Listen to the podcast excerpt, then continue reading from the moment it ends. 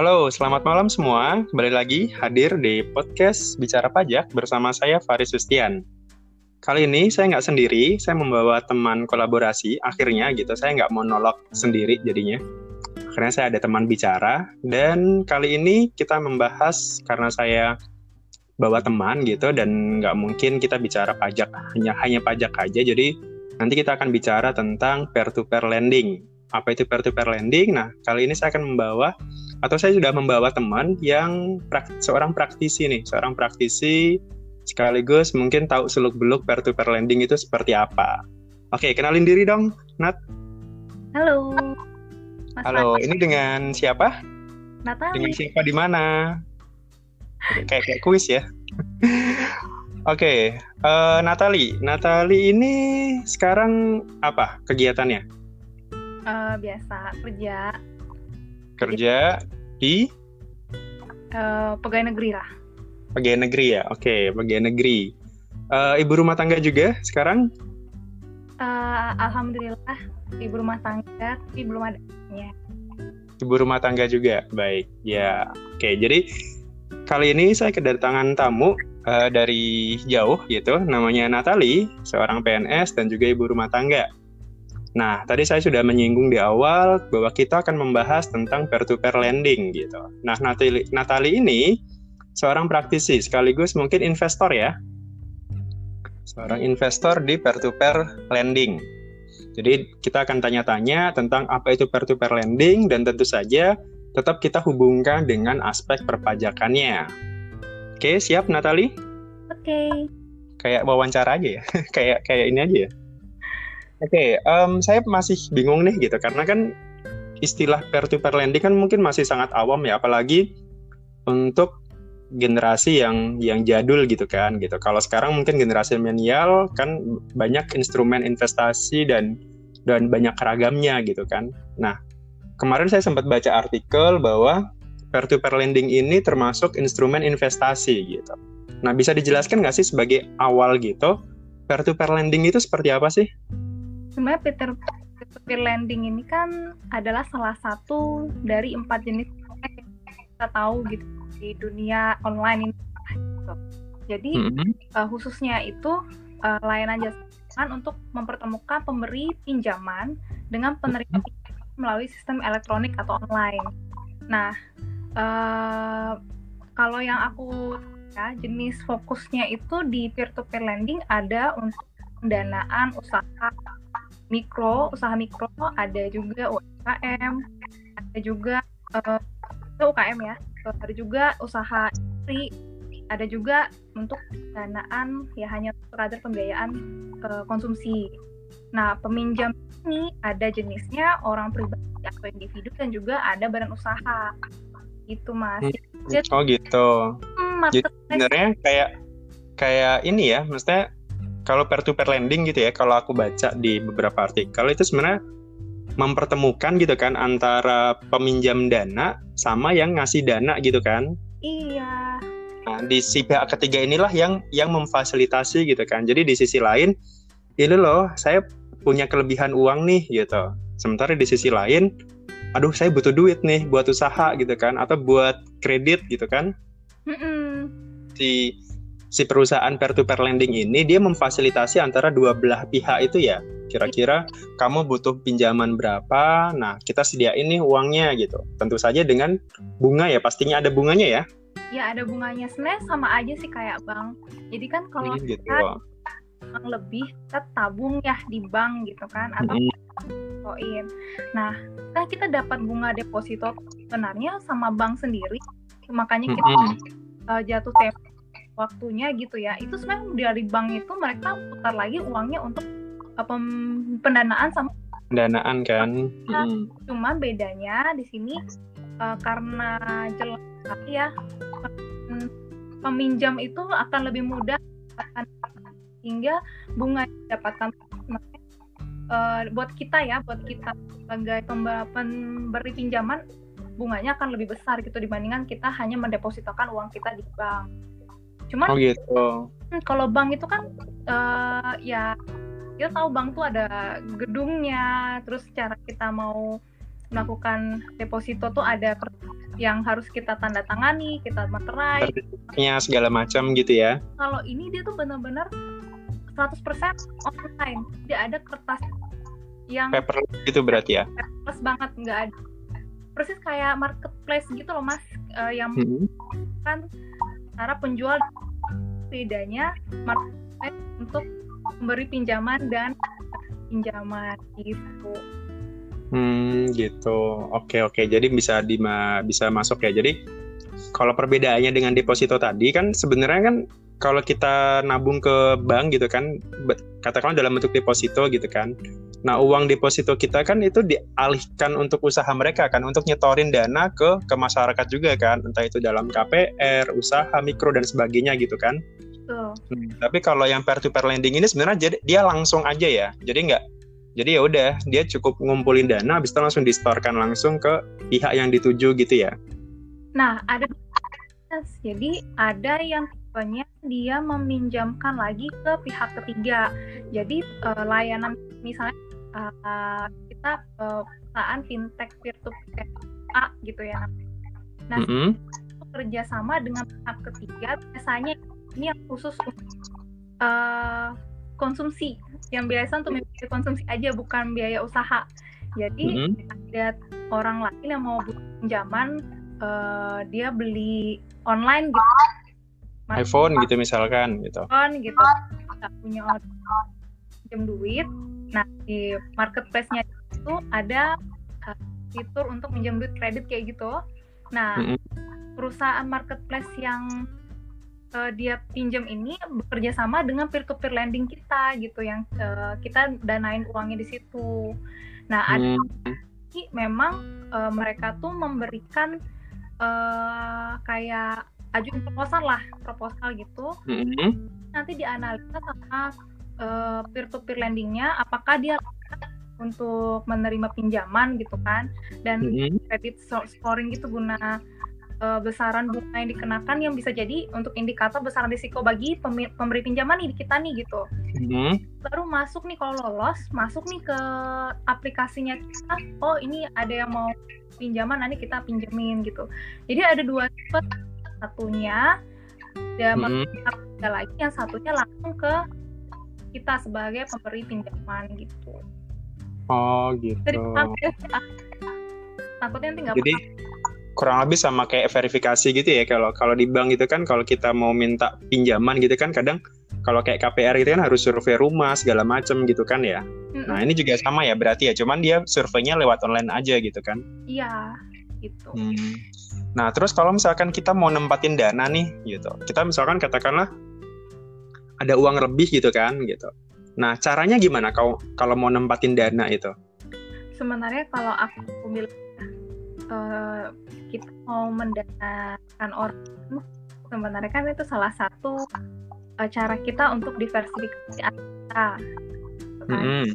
ya berapa ya ada disisihkan buat eh, di pasar ada untuk eh, berproperti ada yang salah satunya lending nah semua jenis eh, investasi masing-masing nih dan eh, ri- apa ya ya ba- balba hasilnya pun berbeda-beda gitu kan Mm-mm. kalau bagi aku peer to peer lending itu masuknya ke risiko yang sedang tinggi. Oh masih termasuk yang resiko menengah ke atas ya, mestinya resikonya termasuk ya sedang tinggi juga itu ya. Mm-mm, jadi sebenarnya kalau mau dibilang eh, kita harus pinter-pinter nih menempatkan uang kita di peer to peer lending Mm-mm. kita karena risikonya ada eh, gagal bayar telat Mm-mm. atau fraud gitu mas. Oh gitu. Tapi kita bisa nggak ketika kita katakanlah pertama kali daftar nih, misalkan saya punya uang nganggur 10 juta nih misalkan gitu. Terus udah deh daripada nganggur gitu kan, daripada saya tabung gitu, yang bunganya kecil gitu, mending saya alihkan aja ke peer to peer lending ini gitu. Hmm, Oke, uang 10 juta. Saya storekan kayak katakanlah sebagai modal awal gitu ya, gitu. Nah, pada saat kita storekan itu ada cek atau apa gitu nggak? Pengecekan atau apa gitu? Ada. Jadi ketika kita pertama kan awalnya pasti kita download nih aplikasinya. Mm-mm. Download dulu aplikasi, oke? Ya. Tender ya, sebagai pinjaman ya, gitu. Mm. Habis itu nanti ada eh, seperti form kita harus isi kayak nama, lahir, alamat, terus kita juga upload KTP, kan juga ada yang minta NPWP. Ada juga Oh yang gitu. gitu. Mm-mm. Nah, terus habis itu uh, akan diverifikasi sama pihak ketiga dari uh, peer-to-peer lending ini. Kenapa Oke. pakai pihak ketiga? Nah, pihak ketiga ini biasanya yang akan memverifikasi uh, data yang udah kita kirim dengan data kependudukan yang ada di catatan sipil. Benar nggak nih gitu? Nanti kalau udah oke, mereka akan kirimin data ke peer-to-peer lending yang Hmm. kita daftar di situ terus bilang oke nih layak nih buat jadi pemberi pinjaman gitu. Nah dari situ Mm-mm. udah oke, udah diverifikasi baru kita bisa naruh duit kita kita eh, kirim ya, Eh, kita transfer itu ke peer to peer lendingnya nanti kita di aplikasi kita bisa pilih nih kita mau danain siapa gitu. Oh gitu. Oh jadi kita bisa milih eh, apa orang atau Badan usaha oh badan usaha. bisa juga. Terus eh, kita bisa milih kategorinya gitu nggak? Misalkan kayak tadi ya untuk usaha, untuk konsumsi segala macam gitu. Dan itu memang biasanya beda mas. Aku sebutin merek aja ya. Oke, nggak apa-apa. Sebutin merek aja di sini. Nah kalau misal kayak asetku itu dia khusus untuk konsumsi. Mm-mm. Biasa untuk penataan ya beli barang apa. Mm-mm. Kalau misalnya kayak harta ini eh, bagus banget sih sebenarnya cuman ya memang bunganya bagi aku kecil. Yang apa tadi? Amarta namanya. Amarta Amarta. Oke. dia itu untuk pendanaan eh, usaha mikro mas. Hmm, Oh jadi tuh lebih ke UMKM gitu ya berarti ya? iya. Nah kalau misalnya kayak Investri dia itu banyaknya ke badan usaha yang mereka punya entah industri ataupun kayak eh, pembangunan apalah itu. Contohnya ini misal aku kasih tahu ya, aku sebenarnya eh Investri itu menurut aku bagus juga gitu. Mm-mm. karena dia tuh punya ini mas dia nunjukin voice-nya dia dia tuh minjem duit sama eh, kita itu Mm-mm. dan nanti yang bayar siapa contoh gini nih eh, ada PT ya, Telkom lah gitu.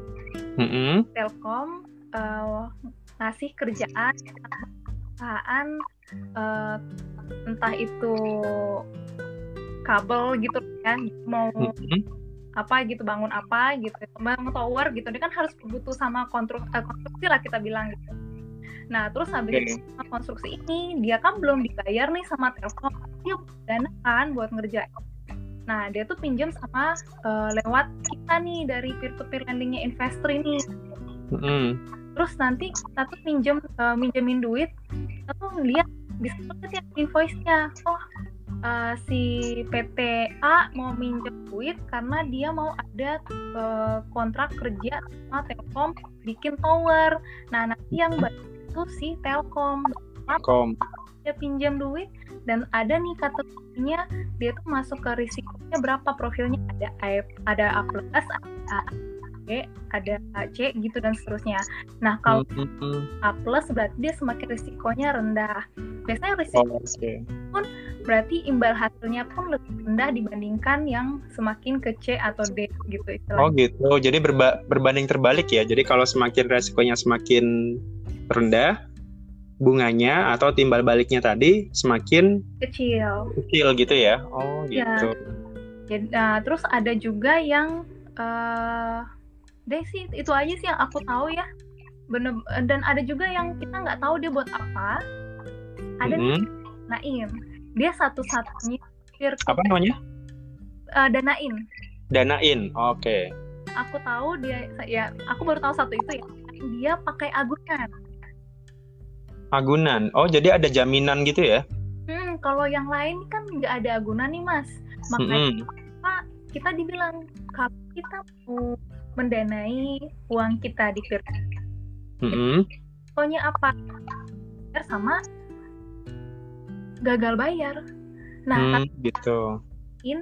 uh, karena pakai agunan nanti agunannya itu yang akan di, uh, didana dicairkan sama pihak ketiga dari Peter. Istilahnya kalau itu dilelang gitu ya kalau dia gagal bayar gitu. Pihak ketiganya kayak pegadaian lah. Oh gitu. Mm -hmm. Pegadaian gitu. Nah nanti yeah. biasanya agunannya apa nih? Itu didanain itu dia. Agunan berarti harus sesuai dengan nilai yang dia pinjamkan juga atau gimana? Enggak, jadi misalnya gini nih, uh, ada si ibu namanya namanya Bu Emi gitu istilahnya. Namanya hmm. Bu Emi, Bu Emi ini pengen punya duit, kita nggak tahu nih mau pinjam buat apa. Tapi dia butuh hmm. dia cuma punya emas in anting gitu misalnya dan hmm. uh, kalung. Nah, dia bawa nih ke pihak ketiganya danain. Nah, dia ke pihak danain nanti dinilai nih sama pihak ketiganya untuk kira-kira uh, berapa nih nilai maksimal dari uh, perhiasan ini. Nah, mereka juga hitung-hitung nih kira-kira nanti dia kan kita udah kerja lagi mereka ya kan kalau dia gagal bayar kira-kira berapa nih uh, besaran yang bakal mereka harus bayar ke peminjam kita gitu kan? Kan kita minjem duit nih. Nah terus habis itu sama biaya-biaya atau kayak uh, bunga besar apa bunga buat kita dan juga buat si dana dan pihak ketiganya. Nah nanti dari situ dia bisa minyak oke bu, ibu cuma dari nah ini maksimal dapat pinjaman ini aja gitu tiga ratus kayak gitu. Padahal sebenarnya dulu sebenarnya nilai dari bisa dapat lima ratus ribu, cuma dia menghitung-hitungkan juga uh, bukanya kita buat kita dan fee-nya buat pihak ketiga dan dan gitu. Hmm, oke. Okay. Nah, kalau kayak gitu kan tadi kita balik lagi sebagai yang landingnya tadi ya, misalnya lendernya tadi, kan kita bisa memilih nih gitu. Kita bisa memilih kira-kira, oh ini resikonya besar, resikonya rendah gitu kan. Nah, ada nggak tips untuk menyaring itu gitu? Nah, kalau jadi itu masing-masing fintech uh, peer-to-peer lending ini berbeda Mas, kalau di investor jelas kita lebih mudah melihat dari histori peminjam. Kita kelihatan tuh siapa oh, nih gitu. Mm. Dia, dia ada berapa pinjaman nih. Jadi dia dalam satu fintech itu bisa berapa banyak pinjaman loh, Mas. Hmm, gitu. Dan disebutkan nominal dan tujuannya ya? Uh, enggak. Jadi yang kita tahu tuh nominal kalau lagi da dalam pencarian dana baru yang kita tahu misalnya misalnya ini empat hari lalu dia udah melakukan uh, pencarian dana gitu ya. Terus udah nih pendanaannya. Terus kan minjem lagi nih buat ada uh, kontrak yang lain. Nah itu kita bisa tahu oh dia sudah dua nih ini yang kedua nih kita pinjemin. Tapi kita nggak tahu yang sebelumnya tuh nilainya berapa. Nah cuma kalau kita mau memperkecil risiko kita bisa lihat uh, hari yang sudah berapa kali minjam dan berapa banyak keberhasilan dia bayar waktu di di investasi itu ketahuan mas kelihatan hmm. Mm -mm. Okay, dan okay. kita pilih juga kan oh dia tuh disuruh kerja sama siapa sih kayak kalau ada yang bilang kan misalnya oh sama BUMN aman lah mm -hmm. pemerintah daerah uh aman lah misalnya gitu ya itu karena pasti nggak akan gagal bayar ya kalau kayak gitu belum tentu juga. Oh nah, gitu. kan yang uh, sama BUMN juga telat bayar gitu. Oh telat bayar oke. Okay. ya aku belum pernah dengar sih ya gagal bayar gitu. Tapi kalau telat ya ya. Iya sering sih. Gitu. nah terus gini ini kan berarti Oke, ini kan berarti salah satu instrumen investasi ya, walaupun tadi mungkin resikonya ada yang sedang, ada yang tinggi gitu. Nah, kira-kira bedanya dengan investasi yang high risk lainnya kayak saham, falas dan sebagainya gitu. Uh, sebenarnya kalau dibilang kenapa ya? Karena ya jelas besar uh, timbal baliknya yang bisa kita dapatkan.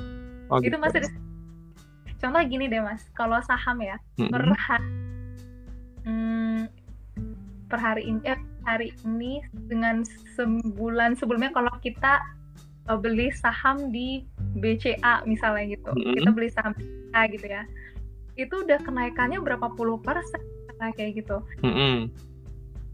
itu dalam waktu cuma sebulan loh Iya. Kalau misalnya peer-to-peer lending itu kan bunga per tahun yang dikasih. Jadi kayak 14 persen tahun, sedangkan Oh.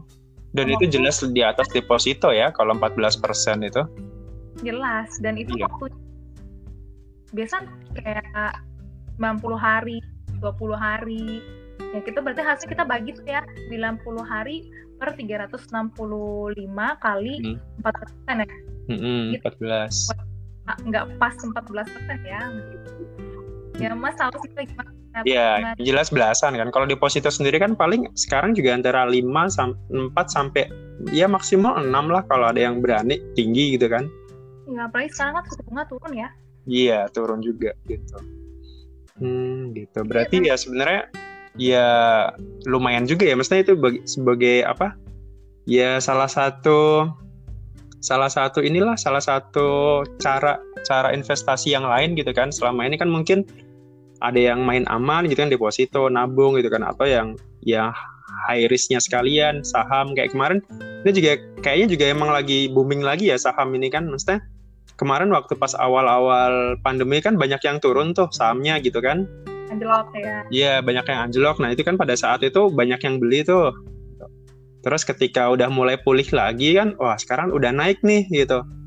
Udah mulai naik nih gitu. Nah, berarti kan ya bisa udah udah biasa dianggap itu investasi yang menguntungkan kan walaupun ya kita nggak bisa memprediksi gitu kayak Yap. contohnya falas gitu kan falas bulan lalu itu masih masih mungkin udah masih 16.000 ribu ya masih 16.000 ribu sekarang per hari ini tuh udah di angka 300 13.000 ribu gitu 13.900 gitu jadi ya US Iya, jadi ya kayak saya tadi ya lumayan sih. Maksudnya tadi udah bisa beli dolar di bawah 14.000 kan lumayan buat nabung-nabung nanti gitu.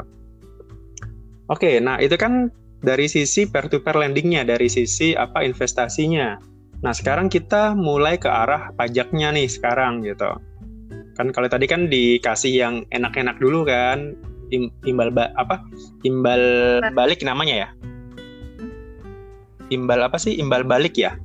timbal balik ya imbal return balik returnnya itu kan tinggi kemudian ya dibanding deposito dibanding apa ya lebih lebih high pasar uang pasar lainnya gitu kan lebih cepet juga kan gitu terus ya tapi resikonya tadi ya resikonya salah satunya ya eh, kita harus pinter-pinter milih nih gitu. Yang mau kita kasih pinjam ini siapa gitu kan? Iya benar sekali. Ada kira-kira resiko lain nggak selain itu? Selain apa yang kira-kira kita salah pilih orang gitu? Eh, kalau paling besar sih menurut aku kayak konsumsi ya. Minjemin duit orang buat biaya konsumsi Kayak kita nggak tahu nih dia punya besaran penghasilannya berapa.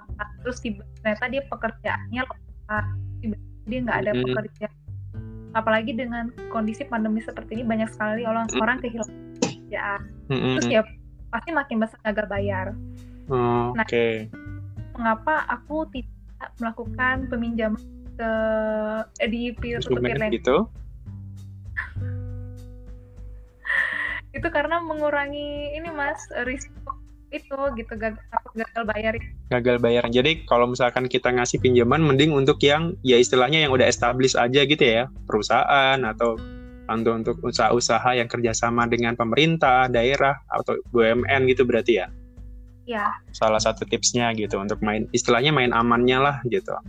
ah oh ya Eh, kan banyak orang bilang kok berarti kayak rentenir ya ya kayak rentenir sebenarnya kalau kita mau bilang kak bahasa Iya, kasarnya. bahasanya bahasa ininya rentenir ya. Ya bang- bunganya juga kan lebih tinggi kan sebenarnya. Kalau kita misalkan saya sebagai peminjam nih dibanding saya minjam ke bank mungkin bunganya lebih tinggi daripada saya apa lebih tinggi kalau kita minjam ke kayak tadi kan danain, investri dan sebagainya kan pastinya ya. Iya, cuman tapi eh, apa ya menjangkau semua eh, ke- apa ya dibilangnya? Karena kan itu ya masih ada beberapa yang menjadi syarat bank yang tidak bisa dipenuhi oleh orang gitu. Hmm, Dan juga bank-bank kan nggak nggak semuanya di daerah-daerah terpencil. Sedangkan kalau internet sekarang, alhamdulillah ya eh, daerah terpencil sudah terjangkau walaupun gitu. sinyalnya gitu dan mereka bisa zaman untuk usaha kecil mereka Hmm, kayak Amarta ya Amarta tuh Iya. banyak sekali kan oleh eh, para ibu-ibu bahkan nenek-nenek daerah terpencil Oh, Eh, mereka tuh pekerjaannya tuh cuma ini loh mas kayak punya lahan di rumahnya tuh mereka tanam sayur untuk jadi kita tuh danain eh, kelihatan banget tuh mm-mm. buat apa buat beli pupuk katanya gitu oh Terus ada- gitu. ada yang punya kandang nih kandang Iya. Di mereka bilangnya gini nih danaan buat beli ikan ayam gitu jadi tuh bener bener-bener Ah. kita bisa saling membantu juga ya kayak gitu ya. kayak ada nilai sosialnya Iya, di situ. iya. Oh, oke menarik menarik. Nah, terus Nah, ngomongin ada satu hmm, gimana? kan ada kayak gini nih "Ah, kayaknya kalau kayak ini nggak syariah ya gitu kan nggak sesuai hukum syariat gitu kan Mm-mm. kita ada juga nih yang eh, syariahnya kayak Oh. Tuh ada, Produk syariahnya. ada juga jadi kita eh, khusus buat yang mau minjemin sesuai syariah Oh, ada waktu Mm-mm. eh, secara online juga sih gitu nah di investor juga ada kita tinggal kita mau eh, konvensional juga atau dengan syariah juga banyak kita bisa mendanai untuk konvensional sama syariah kalau misalnya cuma kita eh, centang yang buat syariah ya kita cuma bisa danain yang syariah aja gitu Syariah itu berarti dari sisi ini ya, maksudnya dia mau pinjemnya untuk apa, kemudian bagi hasilnya itu mungkin lebih apa, lebih transparan, lebih syariah gitu kali ya. ya sistem memang syariah jadi waktu itu aku pernah lihat eh, di fact sheet-nya gitu di invoice-nya Mm-mm. Uh, jadi ada rumah zakat itu memberi uh, kontrak sama sebuah CV, Hmm. sebuah CV untuk pembesaran pembesaran dibilang ya, pembesaran sapi untuk mempersiapkan di hari uh, tahun baru Hijriah misalnya kayak gitu. Oh gitu, kayak lebaran apa sih yang buat motong motong apa, motong sapi Motong- itu? Idul Ya, Adha ya, Idul Adha. Idul Adha, aduh salah salah sebutnya. Jadi untuk Idul Adha, nah berarti bisa jadi kita minjamin waktunya tuh sampai ketika nanti sapinya udah diperhitungkan akan cukup besar dan untuk bisa di- diperjualkan, nah gitu. Nah itu kan eh, rumah zakat nanti bayar kita gitu. Oh gitu. Oh bisa juga ya, maksudnya kayak kayak instrumen-instrumen kayak apa sih kalau di Islam itu ada sedekah, ada zakat, kayak gitu itu masuk ke situ juga ya nantinya. Aku kurang tahu, cuma kita bisa ngelihat oh siapa sih yang mendanai yang syariah ini gitu. Oh ternyata ada Oh. yang kayak gini yang berbau keagamaan gitu. Mhm. Yang eh, yang bayar pun dari rumah zakat untuk pendanaan pembesaran sapi gitu. Oh. Yang mana itu rencananya sama rumah zakat gitu sama kaum kaum yang memang layak men- yang menerima gitu. Hmm, oke oke. Ya, jadi kita juga bisa memilih mau instrumen yang yang Konvensional. konvensional atau yang syariah gitu ya. Hmm, Nah, terus ini apa? Kan kalau di berita itu kan kayak peer to peer lending itu kan misalnya kalau kita gagal bayar didatengin apa? debit apa? debitor, preman atau apa gitu kan? iya. dikejar-kejar gitu kan, diteror gitu kan. Nah, itu gimana? Maksudnya kalau sampai kejadian kayak gitu gitu antisipasinya gimana? Dari sisi dari sisi apa? Dari sisi lendernya gitu, baik sama bor apa peminjamnya juga gitu. Hmm, ini tergantung ini juga sih peer to peer lendingnya ya. Jadi eh, ada yang mereka tuh dengan eh, usaha-usaha yang tidak yang dikejar-kejar terus sampai ya, ap- ya bukan kayak rentenir lah mereka tipenya Hmm. persuasif lah. Hanya ada yang Oh. persuasif. Nanti mereka akan sampai menjal eh, ke jalur hukum tuh ada juga mas. Jadi Hmm. ke kayak investor ya. Hmm. jelas. Jadi kalau misalnya mereka gagal bayar apa? Yang pertama eh, ada tuh misalnya kayak eh, mencairkan aset. Terus yang kedua misalnya mereka eh, eh, dia eh, macam-macam sampai ada yang mereka berani kayak ke jalur hukum kayak gitu. Nah kalau misalnya kayak Amarta ya kan itu sangat mikro ya usaha mikro gitu orang-orang kecil. Itu sangat persuasif sekali. Dan tapi ya mas jangan jangan salah. Justru yang Amarta itu eh, usaha yang sangat kecil itu gitu. Mereka tuh gagal persentasenya kecil loh. Aku nggak tahu kenapa gitu. Hmm. Jadi nenek-nenek ibu-ibu yang udah uh, berkeluarga gitu ya mereka tapi mereka tuh malah persentase bayar Lebih tinggi ya? besar Oh gitu. aku Dan Hmm. itu cara cara mereka bayarnya gimana? Maksudnya kalau kita sebagai pem, apa sebagai yang meminjamkan kan ya mungkin udah well educated ya, maksudnya udah ya udah tinggal transfer gitu kan. Nah kalau kayak tadi yang yang UMKM yang di desa segala macam gitu mereka mereka nyetornya gimana untuk ngembalikin dana itu? yang aku tahu ya Amar tuh jemput Oh dijemput.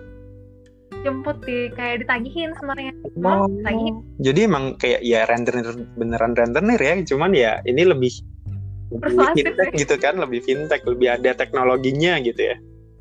iya terus Oke. nanti eh, ya jadi mereka bener-bener kayak ngasih uang uang tunai Hmm. gitu nah nanti kita baru ngasih duitnya ke kita nah tapi Amar mereka itu bukan bayar sekaligus Hmm. gitu loh mas jadi memang cicil makanya itu hitungannya kenapa persentase bayarnya itu lebih besar dibandingkan gagal bayarnya atau kayak telat bayar jadi mereka Hmm. nih ibu-ibunya rata-rata peminjaman itu paling kecil sekitar 2 juta Hmm.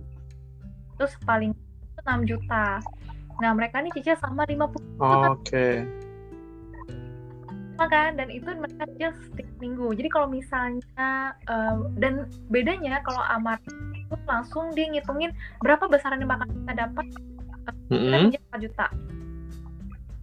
Oh berapa nih? Eh, 400 ribu katanya gitu. Jadi nanti di minggu ke 50 minggu ke 50 kan dapat total 4 juta 460 ribu. Berarti artinya 460 4 juta 460 ribu dibagi 50 ribu? Berarti artinya kita dapat berapa tuh? Punya sekitar berapa puluh Mm-mm. ribu gitu kan? Ribuan ya? Kayak gitu. Nah nanti si ibu itu akan bayar ke Amarta nanti kan Amarta juga dia ngasih cuma setiap minggunya ngasih berapa ribu gitu. Dan kita dapat tuh berapa kita dapatnya sampai dengan 50 minggu. Akhirnya Oh gitu. full. Jadi jadi udah istilahnya kalau di pinjaman di bank itu kan dia ada yang floating rate, ada yang fixed rate gitu kan.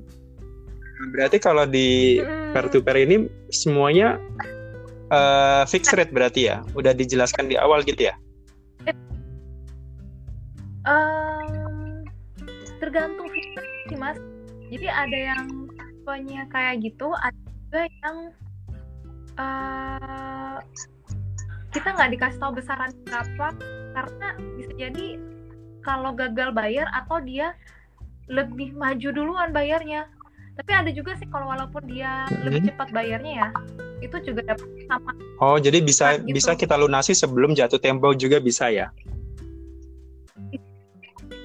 ada juga yang kayak gitu kayak ini eh biasanya sih yang ini yang usaha kontrak Mm-mm. itu yang investor itu jadi oh si PT tadi udah kerjaannya selesai Iya. sama PT Telkom terus Telkomnya juga oke nih bayarnya langsung aja walaupun misalnya eh, kontrak mereka kan 30 Mm-mm. hari misalnya gitu ya tapi kerja dalam waktu 20 hari ya udah PT Telkom langsung bayar aja lunas terus dibayarin juga ke Oh kita gitu. udah Jadi cepet juga ya.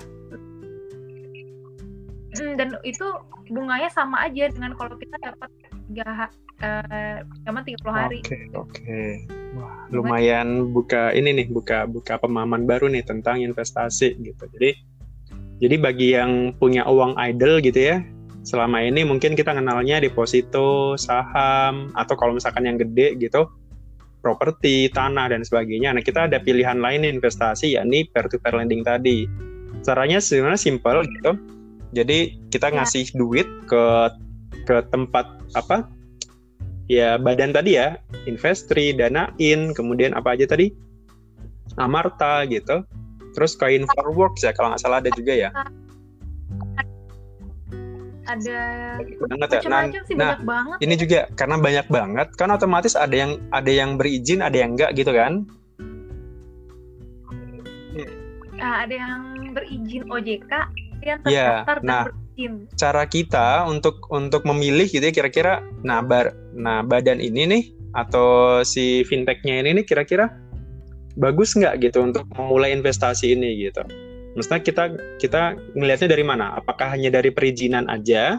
Kalau yang kalau yang ilegal udah pasti ya coret aja gitu kan daripada bahaya gitu. Nah, kalau yang sama-sama legal nih gitu, kita milihnya itu berdasarkan apa? Kalau uh, menurut kamu deh? Sebenarnya paling aman ya mm -hmm. kalau udah terdaftar ya. Tapi itu juga sebenarnya sudah sudah termasuk aman juga karena ya namanya sudah ada mm. samping mm. kita nih si OJK nih yang yeah. lulus sensor gitu hanya untuk jadi Iya, jadi platform kita penanda. Pertimbangan misal apa? Cuma oh, kalau... ternyata di peer to peer ini oh bunga atau timbal baliknya lebih besar nih dibanding sama yang kayak tadi misalkan Amarta lebih tinggi daripada Danain misalkan. Itu bisa nggak jadi pertimbangan itu? Uh, karena beda sih mas jadi aku kurang tahu ya sistemnya OJK itu bagaimana memilah uh, platform yang lulus mereka berikan izin dan terdaftar ya pasti kalau terdaftar ini karena memang sudah uh, berapa lama dari dia izin jadi bisa juga beberapa tahun uh, aku tahu gitu ya gitu berapa tahun berizin melanjutkan izinnya hmm. dia bisa jadi terdaftar gitu. Nah kalau misalnya masih jadi kan besaran bunga yang kita dapatkan karena risikonya memang tergantung karena kalau kita, kalau hmm. kita mau tahu ya gitu ya uh, itu kan untuk danai biaya konsumsi itu bisa sampai 20 Oh gitu. Wah, tinggi banget ya. Iya, emang karena soalnya besar. Terus di Investri emang juga ada yang sampai 20%, tapi itu memang uh, it, karena ada si peminjam ini tuh berapa kali telah bayar gitu atau besaran yang dipinjamnya ya, besar juga. Terus dilihat siapa yang yang, yang memberi kontrak tadi juga punya risiko karena dia juga punya hutang banyak kayak gitu. Makanya dikasih risikonya uh, dikasih bunganya besar karena risikonya. Bukan karena uh, kenapa ada yang izin hmm, data terus jadi sebenarnya ya sebenarnya kurang lebih sama ya hanya kita sendiri yang harus memilah tadi ya yang yang kita yang mau ngasih pinjaman ini siapa gitu kan gitu. ya kita harus memilah itu gitu dan ada tips-tipsnya juga gitu misalnya kalau di asetku dengan investri nah kita itu bisa memperkecil risiko kita dengan berbagi beban oh. sama orang lain. Jadi kalau di uh, jadi misalnya kayak gini Mas, contoh aku aku mm -hmm. jadi borrower nih jadi peminjam. Aku mau minjam nih mm -hmm. sekitar 10 juta. Nah, yang minjamin aku tuh bisa banyak orang, cuma Mas Faris aja bisa bisa berapa orang. Nah, Faris itu memperkecil risikonya dengan Mas nggak mau satu ke aku hmm, jadi aku cuma minjemin 5 juta aja gitu mau. misal hmm. Uang gitu. Misal terus pagi dengan orang gitu. Nah tapi kalau misalnya kayak di Amarta kita satu orang meminjamkan oh. satu orang. Sama kayak danain juga. Jadi kayak uh, ada nih namanya Bu Siti gitu. Dia minjam duit 4 juta kan. Nah aku nggak bisa membagi risiko aku meminjamkan dana ke Bu Siti dengan orang lain.